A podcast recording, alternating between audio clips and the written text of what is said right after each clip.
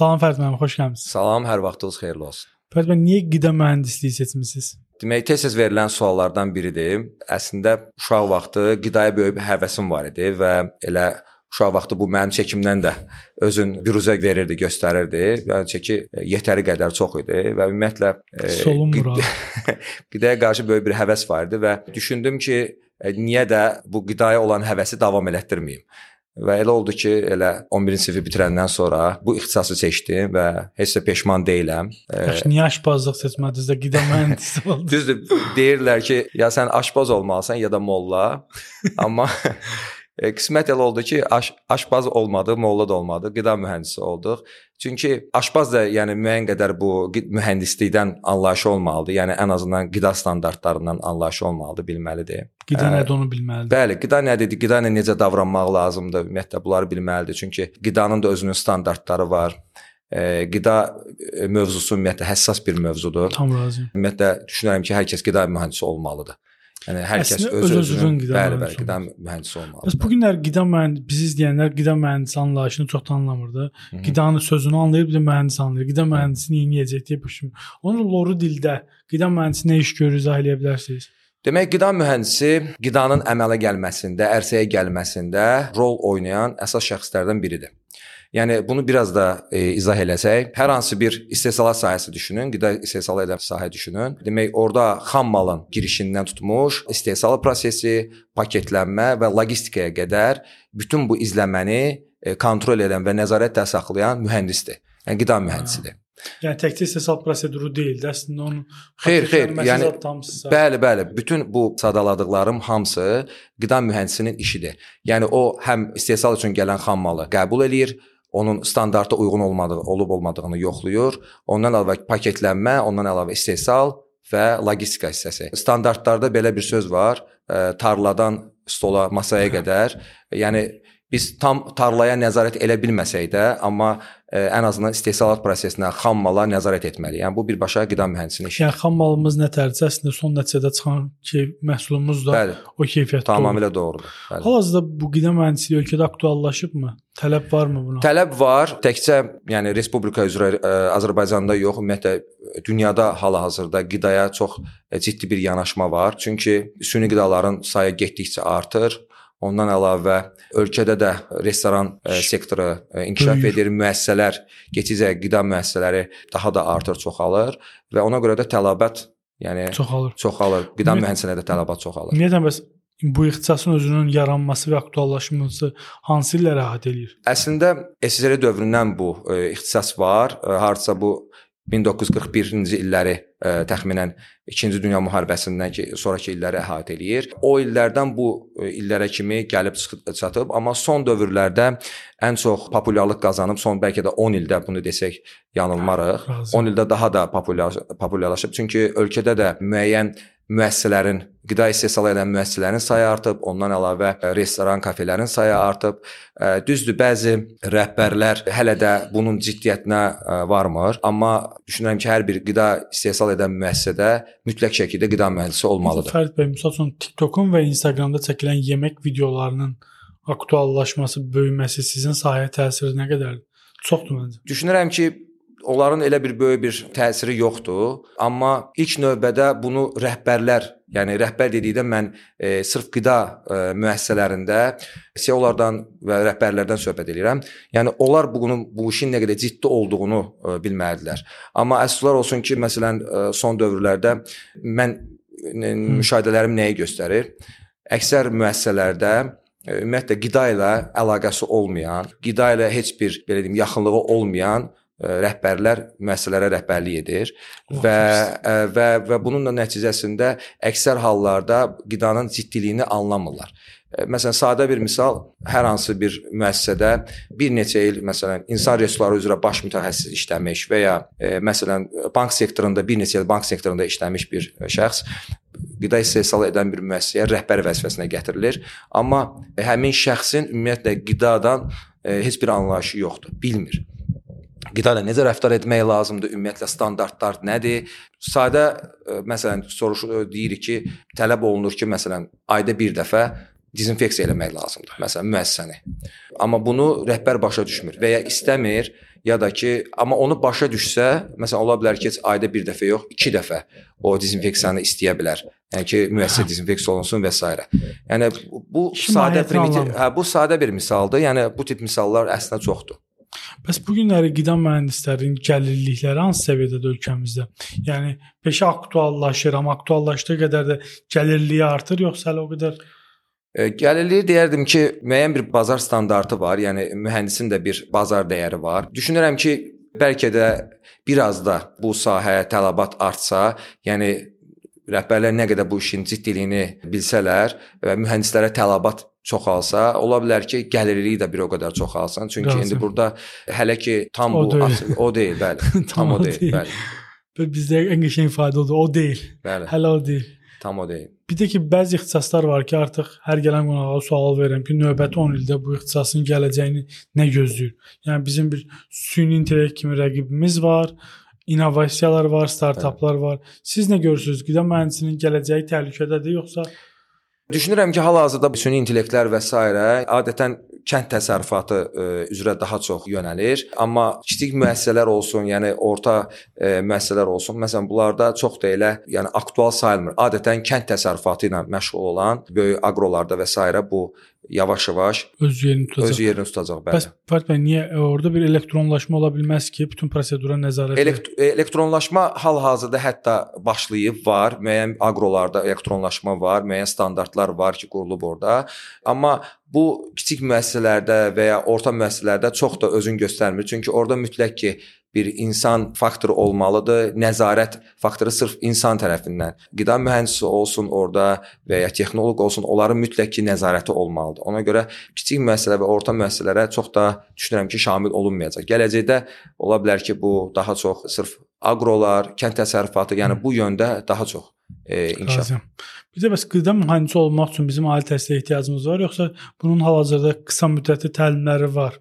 Bunu gedib təlimini alıb bazara tez girəsən. Qida mühəndisi olmaq üçün əslində təlimlə bu olmur. Çünki ona görə ki, burada qida mühəndisi olmaq üçün müəyyən bir e, biologiyadan, kimyadan, fizikadan, yəni bu ən azından bu üç fənnə daha yaxın olmalısan.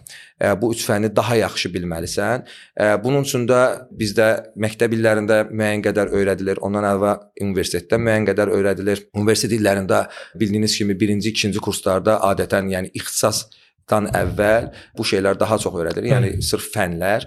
Ona görə də fənlərin birinci fizika, kimya bunlara yaxın olanlar gələcəkdə daha yatımlı olur. Bəli, sizin sözə qüvvət, yəni mütləq ki, yəni universitet təhsili olmalıdır. Mütləq ki, yəni bu fənləri bilməlisiniz. Bildim. Bəs bu günləri yaxşı qida mühəndisi adlandırmağımız üçün kiminsə hansısa beynəlxalq sertifikat var ki, gedib onu alaq? Qida mühəndisliyi üçün xüsusi bir sertifikat yoxdur. Diplom olsa yetərlidir, lakin qida mühəndisinə hal-hazır hal-hazırki vəziyyətdə daha çox əlavə bilik və savad lazımdır. Onun üçün də mütləq şəkildə hal-hazırda əksər müəssisələrdə olan ISO sertifikatları keyfiyyət idarəetmə standartlarına uyğun sertifikatlar mütləq şəkildə alınmalıdır. Yəni bu əlavə qida mühəndisi olan insanların əlavə müsbət sayılır, müsbət bir şey sayılır, bəli. Maraqlı suallardan biri də odur ki, qida mühəndisi ilə dietoloqun fərqi nədir? Ümumiyyətlə bunları ayıran işlər nələrdir? Demək, qida mühəndisi bayaq da qeyd elədiyim kimi, sırf qidanın ərsəyə gəlməsində, əmələ gəlməsində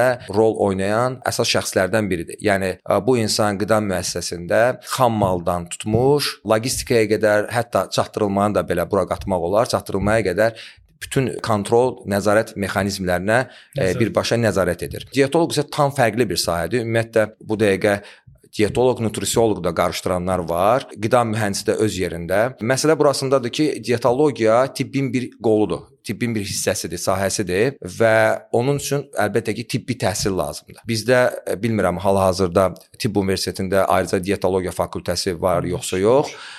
Amma ki, düşünürəm ki, yoxdursa belə, yəni ki, növbəti illərdə mütləq şəkildə bu olacaq. Yəni hər bir qida mühəndisi gedib dietoloq ola bilərmi? Hər bir qida mühəndisi dietoloq yox, nutrisioloq ola bilər. Amma dietoloq olmaq üçün mütləq ki, tibbi təhsil lazımdır.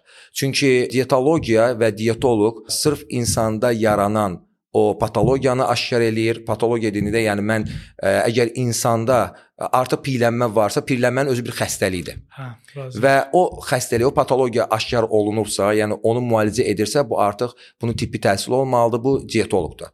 Dietologiya elmidir. Amma qida mühəndisi isə Başqa. ə, yəni sırf qidaya bağlı olan, qidanın ərsəyə gəlməsində, əmələ gəlməsində rol oynayan əsas şəxsdir. Nutrisioloq nədir? Nutrisioloqla dietoloqun fərqi də odur ki, yəni bayaq qeyd etdik, qida mühəndisi nutrisioloq ola bilər. Yəni ona tibbi təhsil vacib deyil. Yəni bu dünyada da belə, yəni qəbul olunub. Müəyyən kurslar var, bir neçə aylıq kurslar var. Orda qidalanma, ümumiyyətlə qida proqramı necə olmalıdır, sağlam qidalanma necə olmalıdır və s. ümumiyyətlə bütün nutrisiologiya barəsində orada geniş söhbət açılır və- onu rahat şəkildə öyrənmək olar. Sağlam qidaya toxundu. Sağlam Bəli. qidalanma bu günləri aktuallaşıb da. Doğrudur. Amma misal üçün mən belə xatırlayıram ki, bir 20 il, 30 il bundan qabaq mən evdə babamgilin yanında sağlam yeyək anlayışı olmayıb da.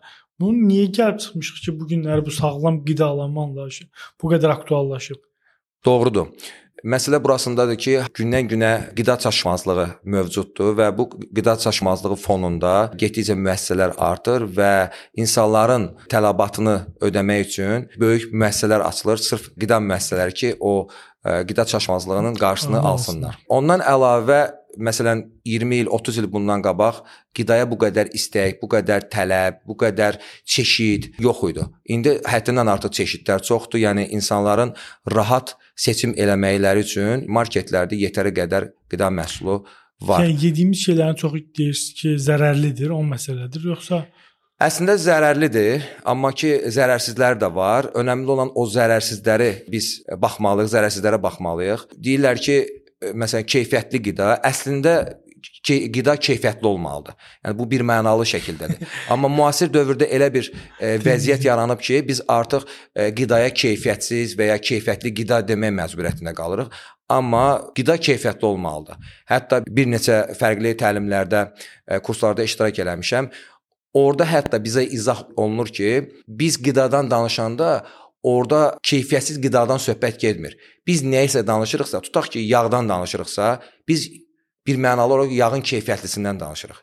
Zülaldan danışırıqsa, zülalın keyfiyyətlisindən danışırıq. Yəni orada hətta dünyada belə qəbul olunan bir şey var ki, e, keyfiyyətsiz qida anlayışı yoxdur. Artıq müasir dövrdə o qədər, yenə deyirəm, qidaya tələbat o qədər artıb ki, və paket qidalar olsun, şəkərli qidalar olsun, ə, süni qidalar olsun, o qədər qidalara tələbat artıb ki, artıq biz məcburiyyət qarşısında qalırıq, amma seçimlər həmişə mövcuddur. Seçim, Bəs- yəni sağlam seçim eləmək bizim öz əlimizdədir. tam razıyam. Belə bir fayda var. Nə yeyirsənsə sən olsan. Bəli. Bu nə qədər əsaslıdır? Yəni onda bizim azından daydaylar hər gün yeyib içməkdədirlər, kebabdadılar. Yəni əslində bu fikir doğru fikirdir. Bizim orqanizmimiz, bizim görünüşümüz əslində ona ə, sübut edir ki, biz ə, nə yeyiriksə o oluruq. Yəni bizim orqanizmimiz, bütün orqanlarımız hər hansı bir kimyəvi reaksiyalar üzərində qurulub. Yəni bizim qəbul etdiyimiz hər hansı bir qidanın nəticəsində bizdə fəaliyyət başlayır, bizə enerji verir, müəyyən orada proseslər gedir, yəni kimyəvi reaksiyalar gedir, bizim hormonlarımıza təsir edir və s. Əlbəttə ki, yediyimiz hər bir qida bizim gündəlik fəaliyyətimizə, düşüncəmizə, hərəkətlərimizə, beyin sağlamlığımıza, ümumiyyətlə hər bir şeyə təsir edir. Bəs beyin sağlamlığı demişkən, yəni bu günləri gün ərzində 7-8 saat işləyən insanlarıq da Bəli. beynimizin full kapasitə işləməyi üçün hansı qidaları tövsiyə edirsiniz? Konkret mən bir qida adı çəkmək istəmirəm, çünki ola bilər ki, məsələn, müəyyən bir qrup qidaları və vitaminləri mən deyim, müəyyən bir qrup- yaddan çıxsın. Amma ümumilikdə demək istəyirəm ki, bizim gündəlik enerjimiz, bizim gündəlik sağlam düşün düşünməyimiz, necə deyirlər, o sağlam bədəndə sağlam ruh olar. Bizim gündəlik qidamızdan asılıdır. Biz nə qədər düzgün şəkildə rasional qidalanırıqsa, yəni balanslı şəkildə qidalanırıqsa, gündəlik bizə lazım olan kaloriji kalori dəyə dəyərlərini biz özümüzdə cəmləşdirə biləriksə, bir o qədər orqanizmimiz daha yüksək səviyyədə işləyər. Təkcə bu bizim orqanizmimizin yox, hətta beynimizin e, fəaliyyətinə, bizim gündəlik e, fiziki aktivliyimiz və s. hamısı təsir edir. Yanaşmamıza belə təsir edir. Yəni, Bəli, tam razıyam. Hansı gün ki daha sağlam yemək yeyiriksə, həmin gün elə bil ki daha fərah və daha rahat işləyə bilərəm. Razıyam. Hansı gün yeməyi pozuramsa, yağlı yeməyi artırıramsa, işləmək olmur. Bəs mən bir şey də soruşmaq istəyirəm. Kofein maddəsi ilə bağlı soruşmaq istəyirəm. Mən hədsiz dərəcədə kofe içən biriyəm. gün ərzində artıq 2-3 stəkana qədər qalxır. Bəli. Kofenin beynimə təsiri nədən ibarətdir? Kofe əslində gözəl bir e, içki növü sayılır, amma məsələ burasındadır ki, biz kofein bizə nə qədər faydası olsa da, bir o qədər də zərəri var. Doğru. Ümumiyyətlə hər şeyin miqdarı vacibdir. Hər bir şeyə həm qida olsun, həm içki olsun, bunların hər birinin insana görə, fərdə görə dəyişir. Ola bilər ki, məsələn, sizin gündəlik içdiyiniz 2 e, stəkan e, məsələn kofe sizə müsbət təsir eləsin və ya 1 stəkan kofe mənə e, pis təsir eləsin. Ona bu insandan insana, insana fərq var, amma ki, burada vacib məqam limiti aşmamaq lazımdır və daha təbii və güvəndiyiniz ə, yerlərdən kofeni alıb içmək lazımdır. Belə bir sual vermək istəyirəm. Mən özüm yaşadığım üçün sual verəcəm. Çoxlu kompüterlə işləyəndə və ya gün bir gün ərzində full day işləmişəmsə və ya təlim demişəmsə, axşam evə gələndə əsmə tutur əlim. Elə bir ki, yəni şirin istəyirəm ancaq. Yəni evdə mən məsələn buna görə pletka şokolad alıram ki, pletka şokolad yeyim, elə rahatlayıram. Həmin dəqiqə sakitləşir bədən. Bu nədən olur? Məsələ burasındadır ki, biz e, gündəlik enerjimizi almaq üçün zülal yağ karbohidrat balansını qorumalıyıq. Məsələn, tutalım sizin ə, gündəlik enerjini almaq üçün 2500 kalori lazımdır. Amma siz 2500 kalorini almırsınız və onun qarşılığında şəkərli qidalara daha çox üstünlük verirsiniz və nəzərə alsaq ki, şəkər və bu tip qəbul etdiyiniz şokoladlar və s. sadə karbohidratlara daxildir. Sadə karbohidratlar isə orqanizmdən çox tez sovrulur. Yəni birinci növbədə karbohidrat sovrulur və asan sovrulanlara daxildir və ondan əlavə çox yaxşı enerji verir. Birinci növbədə karbohidrat bizə enerji verir. Amma nəzərə alsaq ki, müəyyən bir müddətdən sonra tez sovrulduğu üçün 2 saat, 1 saat yarım ərzində tez sovrulduğu üçün yenidən sizin orqanizmin qidaya və kaloriyaya ehtiyacı olur. Və əksər insanlar bildirirlər ki, məsələn şəkər və ya hər hansı bir şirniyyat növü qəbul etdikdən son 2 saat sonra, 1 saat sonra yenidən aclıq gəlir və yenidən nəsə yemək istəyirlər. Yəni bunun səbəbi, əsas məsələ səbəbi budur. Həm də sizdə artıq bu bir vərdişə çevrilib. Çünki orqanizm dayanmadan insulin ifraz eləyir və artıq şəkərə qarşı, artıq sadə karbohidratlara qarşı sizdə bir asılılıq yaranır. Bunun ümumiyyətlə şəkər bağımlılıq yaradır müəllim. Əlbəttə ki, yaradır. Birinci elə asılılıq yaradan, mən onu leqal bir narkotik adlandırıram. yəni müasir dövrdə bütün demək olar ki, bəlkə də marketlərdə görürsüz, paket qidalar üstünlük təşkil edir. Müasir dövrdə ümumiyyətlə elə bir qida bəlkə də yoxdur ki, onun tərkibində şəkər olmasın. Məsələn, adam var ki, deyir, mən e, məsələn demək olar ki, şəkər qəbul eləmirəm. E, amma baxırsan ki, dayanmadan yeməyin içərisinə keçib atır. Məsələn, heç bunun tərkibində də şəkər var və ya deyir ki, yox, mən sağlam qidalanıram və yağdan uzaqlaşmışam. Halbuki yağ əslində sağlam qidalanmada birinci yerdə durur. Çünki yağ bizim hüceyrələrimizin divarları belə yağdan ibarətdir. Yəni yağ bizim orqanizm üçün mütləq şəkildə lazımdır. Amma baxırsan ki, yeməklərin yanında mayonez qəbul edir, ya mayonezin tərkibində də yağ var. Yəni bunlar gizli demək şəkərlərdir, gizli yağlardır. Əksər insanlar ə, bunu bilmir, amma mütləq bilmək şərtdir. Bilmək üçün də aldığımız qidanın mütləq tərkibini ə, oxumalıyıq. Ə, ən azından bu dəqiqə internetdə bildiyiniz kimi hər bir şey var. Ə, bilmədiyiniz şeyi orada axtarıb tapmaq olar. Önəmli olan balanslı qidalanmaqdır və sizin də bayaq qeyd elədiyiniz kimi ə, gündəlik enerjinizi saxlamaq üçün balanslı şəkildə zülal yağ karbohidratı gündəlik qəbul etmək lazımdır ki, biz bu şəkərlərdən, sadə karbohidratlardan uzaqlaşaq. Bəs mən balanslı yaşamaq deyirik və müəyyən limitlər var da, minimum 2500 kalori. Bəs vegetarianlar düzgün qidalanmırlar. Onlar hansı rasionlardan imtina eləyirlər? Bəli. Bəs onlar necə uzun müddətli sağlam qala bilirlər? Onlar adətən ət məhsulları, və ət ət məhsullarını qəbul eləmirlər. Yəni zulalı qəbul eləmirlər. Məsələn, yumurtada da zülal var, onlar ondan da uzaqlaşırlar. Əsasən bitki zülallarına üstünlük verirlər. Düzdür. Eyni effekt olur. Mən onların ə, bu seçiminə hörmətlə yanaşıram. Yəni öz seçimləridir, edə bilərlər. Amma mənim fikrimi bilmək istəyirsinizsə, heyvani zulallardan qəbul olunan zulallar, bunlar əvəz edilməyən amin turşularından zəngindir, əvəz olunmayan amin turşularına sahibdirlər. Ona görə də biz nə qədər bitki zulallarından qəbul eləsək bunu, o heyvani zulalların yerini vermir. Orqanizm qeyd elədiyim kimi bu hər bir şəxs üçün individualdır, hər bir şəxs fərdidir. Ola bilər ki, müəyyən bir müddət o insana müsbət təsir eləsin, amma müəyyən bir müddətdən sonra ə, çox ciddi problemlərlə qarşılaşa bilərlər.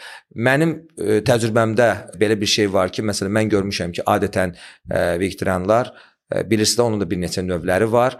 Vegan amma ə, bəli, bəli. Amma əksəriyyəti ə, qida əlavələrinə üstünlük verirlər sırf o zülalı qar qarşılamaq üçün və ya əlavə bioloji aktiv əlavələr onları daha ə, enerjili eləyir, daha tonusda saxlayır. Mən, mən xaricdə olanda da daha çox insanın xariclərin çoxu qida əlavələrindən istifadə edir. Yəni demək olar 90% gördüyüm xarici qida əlavəsindən yaşayırdı da. Onsuz bir həyat fikirləşmirdi. Qida əlavələri hal-hazırki müasir dövrdə ən aktual şeylərdən biridir. Əslində e, mən də buna pis baxmıram. Nəzərə alsaq ki, hal-hazırki vəziyyətdə biz qəbul etdiyimiz qidaların tərkibi əvvəlki tərkibindən çox fərqlidir. Məsələn, biz əgər hər hansı bir meyvəni yeyiriksə, qəbul ediriksə, məsələn, tutaq ki, almanı. Biz bilmirik ki, almada bizim bizə lazım olan vitamin və minerallar var yoxsa yox. E, ola bilər ki, bir dənə biz almanı yeyə heç bizə o e, istədiyimiz e, həmin o kalorini, həmin o vitamini verməsin. Ona görə də mütləq şəkildə əlavə həmin o bioloji aktiv e, əlavələr biz qəbul etməliyik ki, e, orqanizmimiz daha normal şəkildə çalışsın. Razıyam. Belə bir sual vermək istəyirəm sizlə bağlı. Buyurun. Bundan sonrakı hədəfləriniz, karyera hədəfləriniz nələrdir? Hal-hazırda bildiyiniz kimi mən sağlam qidalanma təlimləri verirəm və növbəti hədəfim isə istəyirəm ki, yaxın bir neçə il ərzində ümumiyyətlə ölkədə sağlam qidalanma daha da mənim də bu sahədə bir rolum olsun İstəyirəm ki, insanlar daha çox maariflənsin, özlərinə qarşı, orqanizmlərinə qarşı, sağlamlıqlarına qarşı daha ciddi yanaşsınlar və hər şey enerji olsun deyə nə gəldi yeməsinlər, daha sağlam seçimlər etsinlər. Çünki nə qədər orqanizm insan bədəni nə qədər sağlam olarsa, ruhumuz da bir o qədər sağlam olar. Ona görə gələcək hədəflərim bundan ibarətdir ki, daha geniş auditoriyaya bunları çatdırım, daha geniş auditoriyaya bu e, sağlam qidalanma ilə maarifləndirim. Əla. Uğurlar. İnşallah. Son sualım ondan ibarətdir ki, bizim izləyən gənclərə nə tövsiyələr verərsiniz həm gələcək həyatlarında, karyeralarında? İnşallah ki, yəqin ki, bu izləyənlər arasında qida mühəndisləri olanlar da var. Mən onlara tövsiyə edərdim ki, ümumiyyətlə oxuduqları illərdə onlara yaxın olan fənləri, biologiya, kimya, fizika bu fənləri daha çox dərindən öyrənsinlər ki, gələcək karyeralarında, gələcək karyeralarında bu daha çox onlara lazım olur və ondan əlavə mütləq ki, müəyyən təlimlərdə iştirak eləsinlər. Bu müəyyən təlimlər dediyim sırf keyfiyyət standartlarına aid olan təlimlərdir. Onların gələcək karyeralarında bu daha onlara müsbət təsir edəcək. Onlar daha əmin addımlarla karyeralarında inkişafa doğru addımlaya biləcək. Hər bir halda onlarda onların əldə etdikləri ə, sertifikatlar, əldə etdikləri ə, bu biliklər ə, gələcək karyeralarında onlara müsbət təsir edəcək. Mən təşəkkür edirəm bu gün gəldiyiniz üçün. Mən təşəkkür edirəm. Çox, Çox maraqlı keçdi mənim üçün. Təşəkkür edirəm. Sağ olun.